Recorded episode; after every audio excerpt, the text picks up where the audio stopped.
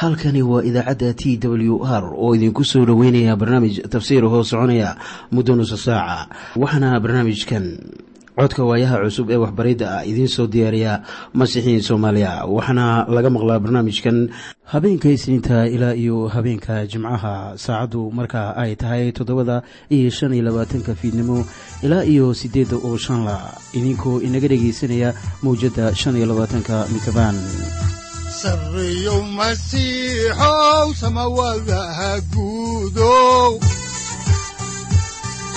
siraadkii adduunkow subanaha eebow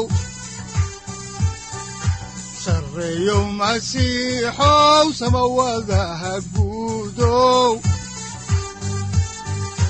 siraadkii adduunkow subanaha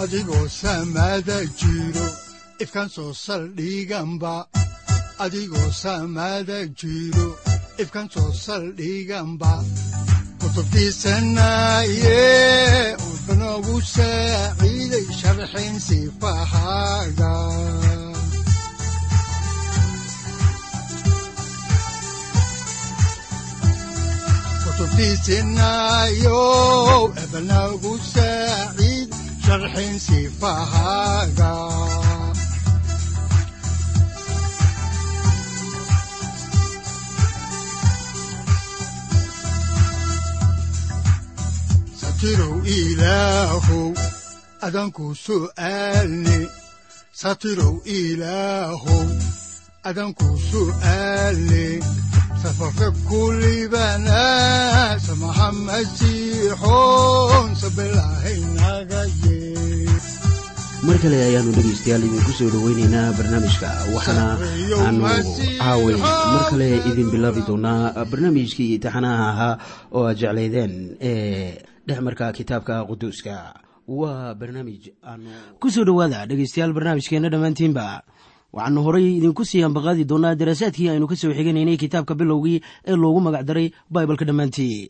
Waxaanu idiin sii wadi doonaa cutubka koob iyo tobnaad ee kitaabka bilowgii waxaana mawduucyada aynu ka hadlaynay ay kala ahaayeen dhismihii munaaradii baabel iyo taariikhdii shem iyo ibraahim. Balse inta aynaan idiin bilaabin barnaamijka aynu wada dhegaysano heestan la yidhaahdo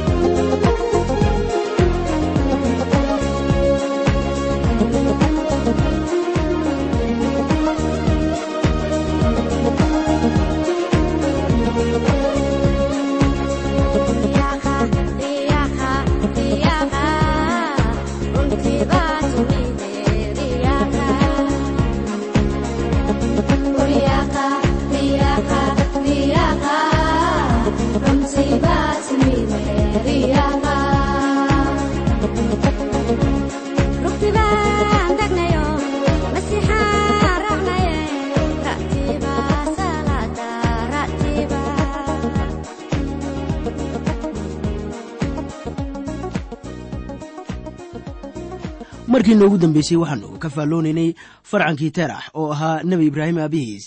Waxaan idiin sheegnay in ay ka soo guureen dalkii reer kaldiin waana ay yimaadeen dhulkii kancaan.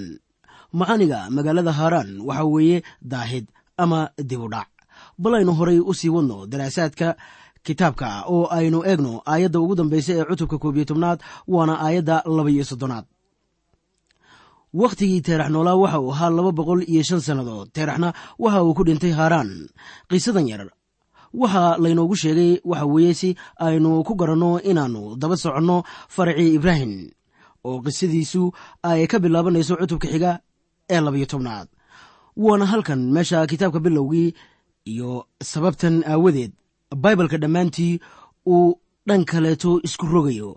Ka bilaabato halkan waxaa lagu tilmaami karaa dhul baaxad weyn oo dhex maraya kitaabkan bilowgii oo dhan. Markaana koob iyo tobanka cutub ee ugu horreeya waa hal saf sagaal iyo soddonka cutub ee kalena waa safka kale. Kow iyo tobanka cutub ee ugu horreeya markii aynu idiin akhrinay waxaanu afka ka xiray laba kun oo sannadood taariikh baahsanayd. Taasoo la eg wakhtigii lagu qoray kitaabka bilowgii intiisa kale.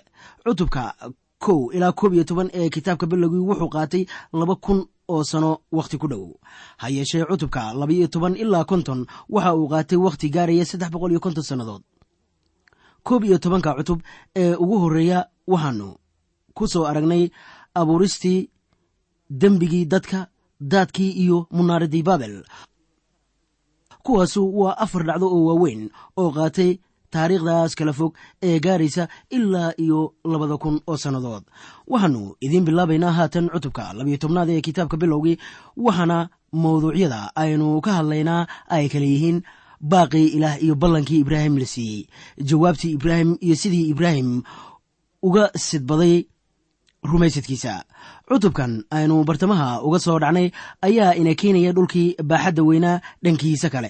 Wuxuuna cutubkani dhex marayaa kitaabka bilowgii oo dhan jawiga haatan wuu beddelan yahay dhammaantiis halkan. Markaana cagta ayaynu idiin dhigi doonnaa marka aynu ku dhex soconno taariikhdan. Haatan xaalka la adkaynayo waxa uu ka soo tegay dhacdo.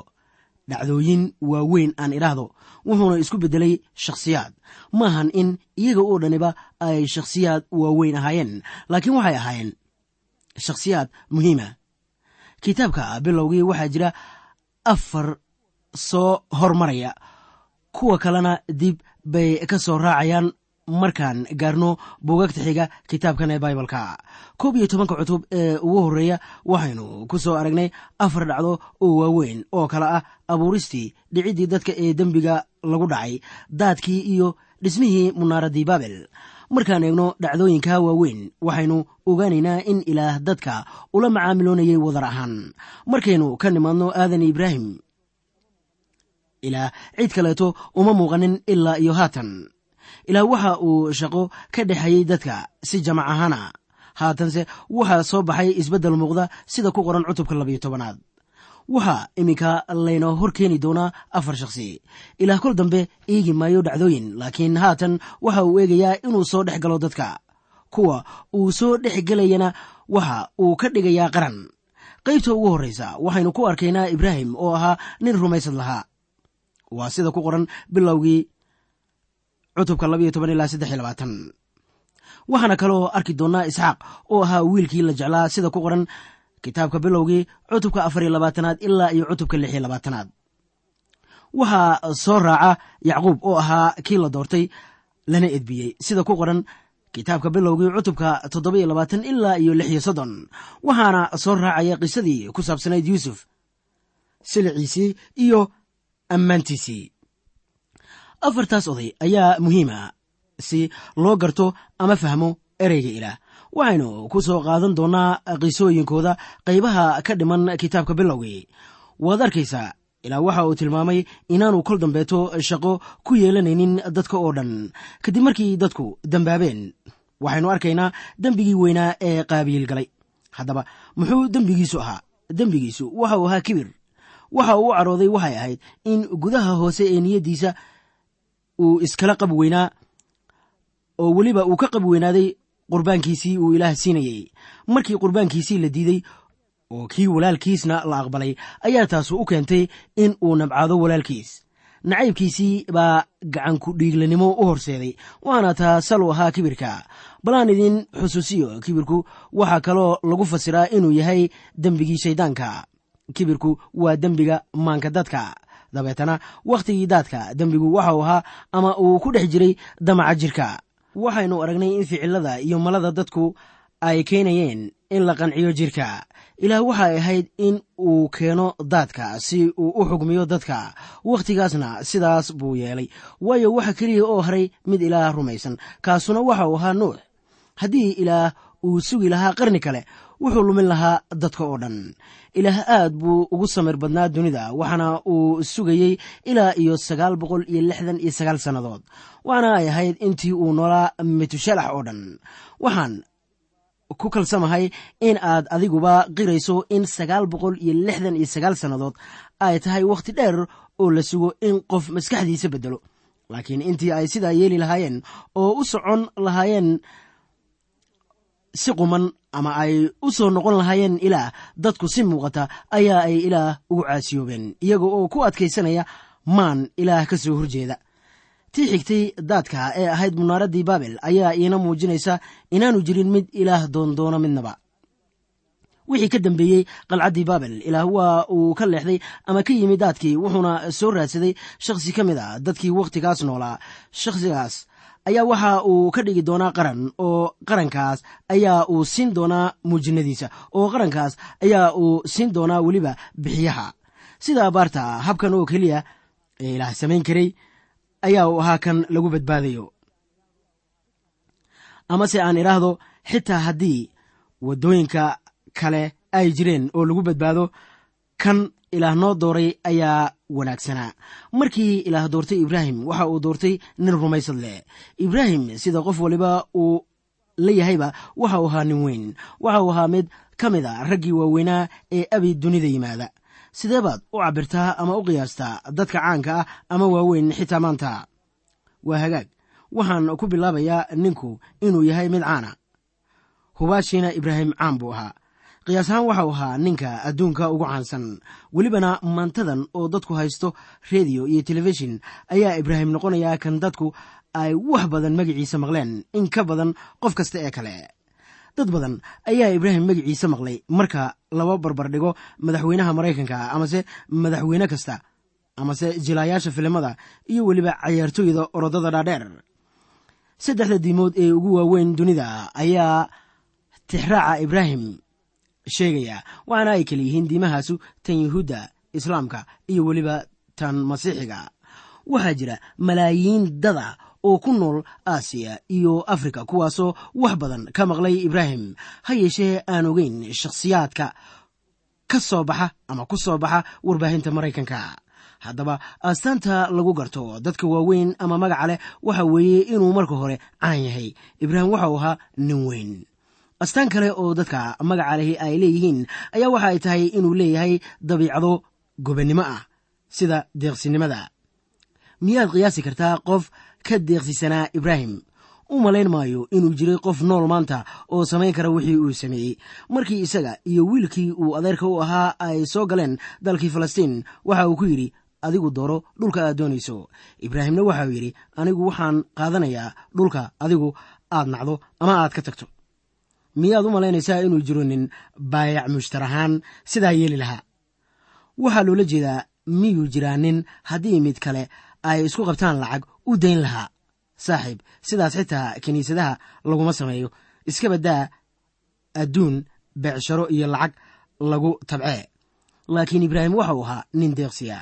Miyaad weligaa garatay sida uu deeqsi u ahaa markii uu la joogay boqorradii sodom iyo gomora waxa uu ku yidhi waxba ka qaadan maayo baliliqadaas xitaa buu yidhi ka qaadan maayo kab yeelmaheed maxaa wacay ibraahim? Ilaah buu caawimaad ugu xiraa. Tan saddexaadee lagu garto nin weyn waxa weeye inuu yahay mid nool wakhti muuqda ama aan daah la saarin. Waa in uu ahaado sidii naboleon yidhiba nin aayatiin leh. Ninka iyo wakhtiga habboon waa in ay ku kulmaan isweydaarka nolosha ama kala gadoonka xaalkaasu waa u ahaaday ibraahim.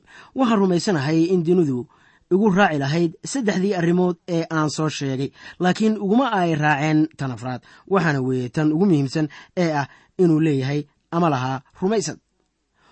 Waxaad garan doontaa in nin kastoo magac leh xitaa haddii ayan masiixi ahayn ay leeyihiin wax ay ictiqaadaan ama rumeeyaan. Ilaah waxa uu yidhi ibraahim nin rumaysad leh buu ahaa baibalkuna waxa uu qorayaa in tii ugu weyneed ee laga yidhi ibraahim ay ahayd inuu ilaah rumaystay. Sida ku qoran warqaddii roma cutubka afraad aayadda saddexaad. Qayb ahaanoo leh ibraahimna ilaah buu rumaystay oo waxaa isaga loogu tiriyey xaqnimo. Markaannu horay uga sii soconno cutubyada kitaabka bilowgii waxaynu arkaynaa in ilaa toddoba jeer u muuqday ninkan.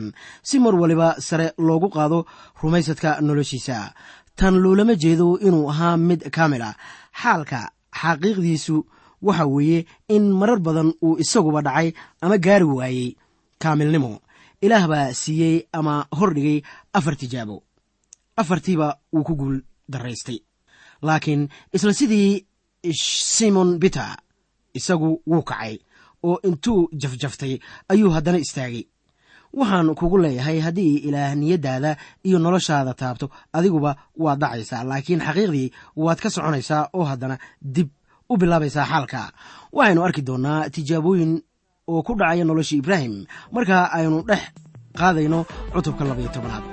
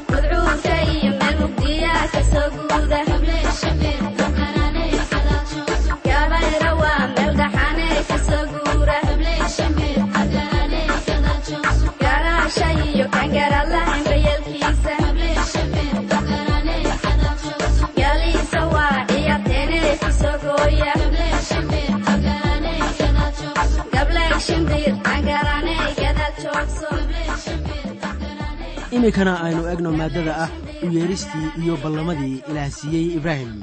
Saddexda aayadood ee ugu horreysa ee cutubkan ayaa ina siinaya saddex ballan oo ilaah siiyey ibraahim. Dabcan tan ayaa aasaas u ah baibalka. Inta kale ee qorniinka uu ka kooban yahay waxa uu ku noqnoqonayaa saddexdan ballan. Aynu dib ugu noqonno kitaabka bilowgii cutubka labiyo tobanaad aayadaha hal ilaa saddex. Waxaana qoran sida tan. Rabbigu waxa uu abrahm ku yidhi ka tag waddankaaga iyo xigaalkaaga iyo reerka aabbahaba oo dalka aan ku tusi doono u kac oo qurun weyn baan kaa dhigi doonaa oo waan ku barakadayn doonaa magacaagana waan weynayn doonaa oo waxaad noqon doontaa barako oo waan barakadayn doonaa kan kuu duceeya kan ku habaarana waan habaari doonaa oo qabiilooyinka dhulka oo dhammuna adigay kugu barakoobi doonaan kan ugu horreeyey saddexdan ballan waa kii dhulka loo ballanqaaday ilaah waxa uu yidhi waxaan ku tusayaa dhul oo waan ku siinayaa. Qaybta labaad ee ballanka waxa weeye ballanqaadka ah qarannimada oo qurun weyn baan kaa dhigi doonaa oo waxaad noqon doontaa barako. Magacaagana waan weyneyn doonaa. Waxaa kaloo uu yidhi ilaah oo lagu yidhi ibraahim waan barakadayn doonaa kuwa kuu duceeya kan ku habaarana waan habaari doonaa. Qaybta saddexaad ee ballankana waxa weeye inuu u noqon doono barako. Qurumaha oo waxaa qoran qabiilooyinka dhulka oo dhammu adigay kugu barakoobi doonaan. Su'aasha iminka soo baxaysaa waxaa weeye miyaa ilaah ka soo baxay ballamadii ibraahim uu siiyey. Ilaah hubaashii wuxuu ka dhigay qurun weyn. Ibraahim waana ay leedahay jiritaan qaran waliba iyo dad waliba oo dunida ku nool ma jiro qaran lagu masaali karo ama la barbardhigi karo. Waa sidee ballanka labaad miyaa ibraahim barako u noqday dadka oo dhan? Hah ciise aawadiis ayuu barako ugu noqday dunida oo dhan. Xitaa hadalladii ilaah oo dhan waxa ay inoogu yimaadeen iyaga oo soo maraya ibraahim. Ilaah waxa uu oofiyey ballamadii ibraahim uu siiyey oo dhan. Waxaan ka ahayn ballankii koowaad. Ilaah waxa uu yidhi ibraahimow waxaan ku siinayaa dhulkaas bal waxaad eegtaa waxa ka dhacaya dhulkaas isaga ah wakhtigeennan waxay dhulkaas ku haystaan xoog iyo muruq laakiin mana haystaan. Qof baa waxauu yidhi ilaah ballankaas ma oofin. Waa hagaag. Sidaas yaanay inoola ekaan saaxiib. Oo balla aynu ilaah fursad siinno saddex marka loo qaybiyo ballankaas ayaa labo qaybood la fuliyey. Laakiin ilaah waxa uu yidhi iyagu dhulkaa sii joogi maayaan. Haddii ay amaradiisa ku caasiyoobaan iyo haddii ay isaga tagaanba haatanna ilaah way ka tageen. Sababtaas aawadeed dhib baa halkaas ku haysta. Laakiin ha odhanin ilaah ballankaas ma oofinin xaqiiqdii xaajadu waxa weeye in ilaah samaynayo wixii uu ballan qaado. Ayaantu way imanaysaa markaa ilaa dib ugu celin doono dadka israa'iil halkaas. Markii uu sidaa yeelo xoog ku haysan maayaan dhulka iyo jujuub waxa ay helayaan dhulka bariga ilaa iyo webiga yufratis ilaa iyo dhanka waqooyi oo ku tagta qurumaha reer xeed ilaa iyo dhanka koonfureed ee ku tagta webiga masar waana webi yar oo ku dhex yaalla lamadegaanka carabta. Weligood ma ayan degganayn dhulkii ilaah siiyey. Markii uu xukunkooda ugu wacnaa waxa ay keliyahoo degganaayeen soddon kun oo iskuweer meel ama laba jibaaran taasuna maahan dhulkii ilaah siiyey oo dhan. Bilxaqiiqa waxa uu siiyey dhul gaaraya ilaa iyo saddex boqol oo kun oo laba jibaaran. Fari kama qodna dhulkooda laakiin waxa ay ku heli karaan ilaah qadartiisa iyo wakhtiga uu u cayimay qaramada midoobey waxba kama samayn karaan xaalka. Welibana ruushka iyo maraykanka ayaan xal u heli karaynin dhibaatooyinka israa'iil. Saaxiib halka aan joogo ayaan ku nasqabaa waxaan soo gaaray heer aan garto in ilaah wax waliba sutida u hayo. Way wanaagsan tahay inaad halkaaga nabdoonaan ku fadhido iyadoo aadan ka cabsanaynin waxyaabaha ku qoran cinwaanada jaraa'idka oo aan isku mashquulin waxa dunidu ay samayso ama halka ay ku socoto. Ama waxa ka dhacayaba. Ilaah baa taliye ah oo wax walibana waxa uu uga shaqeeyaa hababkiisa wanaagsan. Haatan haddii aynu ku soo noqonno saddexdii ballan ee ilaah siiyey ibraahim muxuu ibraahim ka sameeyey? Amase sidee buu kaga jawaabay? Iminkana aynu eegno. Jawaabtii ibraahim. Aayadda koowaad ee cutubka labiyo tobnaad ayaa waxaa ku qoran rabbiguna wuxuu abrahm ku yidhi marka waxaa cad in ilaah wax ku yidhi ibraahim. Waxaana ka ogaanaynaa qorniinka qaybihiisa dambe in ilaah u yeeray ibraahim. Markii uu ku noolaa uurtii reer kaldayen haddaba sida ku qoran kitaabka axdiga cusub qaybtiisa farimaha aan idhaahdee falimaha rasuullada cutubka toddobaad aayadaha labo ilaa afar ayaa leh ilaaha ammaanta waxa uu u muuqday awowaheen ibraahim markuu mesobotamiya joogay intuusan haaraan degin. Oo waxa uu ku yidhi ka soo kac waddankaaga iyo dadkaaga oo kaalay dalka aan ku tusi doono. Markaasuu ka soo kacay dalkii reer kaldiin oo waxa uu soo degay haaraan oo markuu aabbihiis dhintay ayaa ilaah meesha isaga ka soo wareejiyey oo keenay dalkan aad haatan degan tihiin. Ibraahim ilaah buu addeecay markii uu ka tegey gurigiisii shuqulkiisii iyo ilbaxnimadiisii sarraysay ee uur. Isagoo u aan ogeyn meeshii uu socday. Welibana wixii uu sameeyey ma ahayn adeecis dhammaystiran. Waayo waxaynu akhrinaynaa inuu horay u sii watay qaar ka mid a xigtadiisii. Waxaana uu soo watay aabbihiis teerax ilaahna waxa uu ku yidhi ibraahim ha kaxaysanin aabbaha. Maxay ahayd wixii ilaah u doonayey inuu ibraahim uga saaro dhulkan oo uu uga tago qaraabadiisii? Waxaynu ka helaynaa jawaabta kitaabka yeshuuca cutubka afariyo labaatanaad aayaddiisa labaadoo leh awowayaashiin waxa ay waa hore deganaan jireen webiga shiishadiisa oo waxaa ka mid ahaa teraxoo ahaa aabbihii ibraahim iyo naaxoor waxayna u adeegi jireen ilaahyo kale. Adduunku wuu lunsanaa baryahaas. Waxay ahayd in ilaah sidaa u soo dhex galo arrinka haddii uu doonayo inuu badbaadiyo bani aadanka. Arrinka kale ee la gudboonaa waxay ahayd inuu dadka oo dhan laayo oo hawshii dib ugu soo noqdo. Waan ku faraxsanahay inaanu sidaa samaynin. Haddii uu sidaa samayn lahaa halkan maanan joognayn maanta waayo dembi baan ku dhashay. Ama innagoo dhanba aanu ku dhalannay xaqiiqdu waxa ay tahay dembiilayaasha oo dhan waa la dhammayn lahaa laakiin waa ilaah mahadii waayo isaga waa ilaah nimco iyo naxariis badan. Waxaana uu badbaadiyey dembiilayaashii. Haatanna waxaynu raacaynaa wax ku qoran qorniinka oo waxaanu ibraahim ugu yeernaa abraham. Ilaa aynu ka gaarayno cutubka toddobiyo tobnaad halkaas oo magaciisa uu isku bedelayo ibraahim. Aynu haddaba isla eegno cutubka labiyo tobnaad ee kitaabka bilowgii aayaddiisa afraad waxaana qoran sida tan. Markaasaa abraham tegey sidii rabbiguba ku yidhi luutna wuu raacay. Abraham shan iyo toddobaatan sannadood buu jiray markuu haaraan ka tegey. Waxaa qoran markaasaa abraham tegey sidii rabbigu ku yidhi waxa uu raacayaa ilaah oo ku hogaaminaya dhulkii kancaan waxaa kaloo laynoo sheegay oo la yidhi luutna wuu raacay. Waa adeecistiisu ma dhammaystirna weli. Wiilkuu adeerka u ahaa ee luut buu watay. Haddaan dib ugu noqonno qorniinka ayaannu haatan eegaynaa cutubka labiy tobnaad aayaddiisa sanaad waxaana qoran sida tan. Abrahamna waxa uu kaxaystay naagtiisii saaray iyo luut oo ahaa wiilkii walaalkiis iyo xoolahoodii ay urursadeen oo dhan iyo dadkii ay haaraan ka heleen oo dhan. Kolkaasay u kaceen dalkii kancaan oo waxa ay yimaadeen dalkii kancaan siraadkii adduunkow subanaha eebow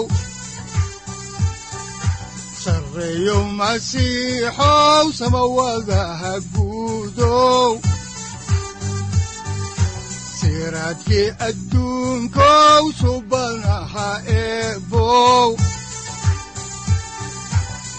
adigoo samada jiro ifkan soo saldhiganba adigoo saamaada jiro ifkan soo saldhiganba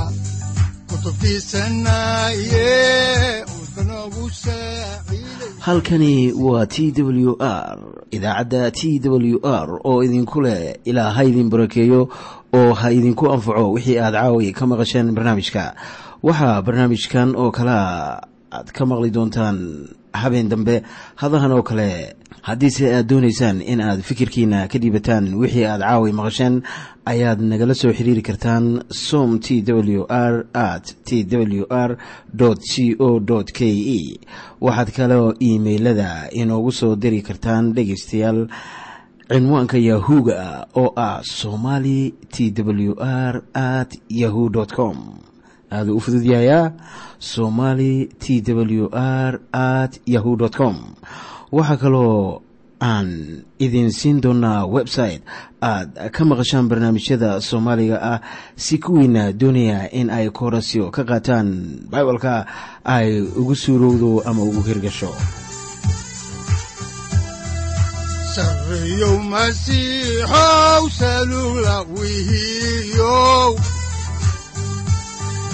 saacadda timid dhulka sabada ku dhalatiyo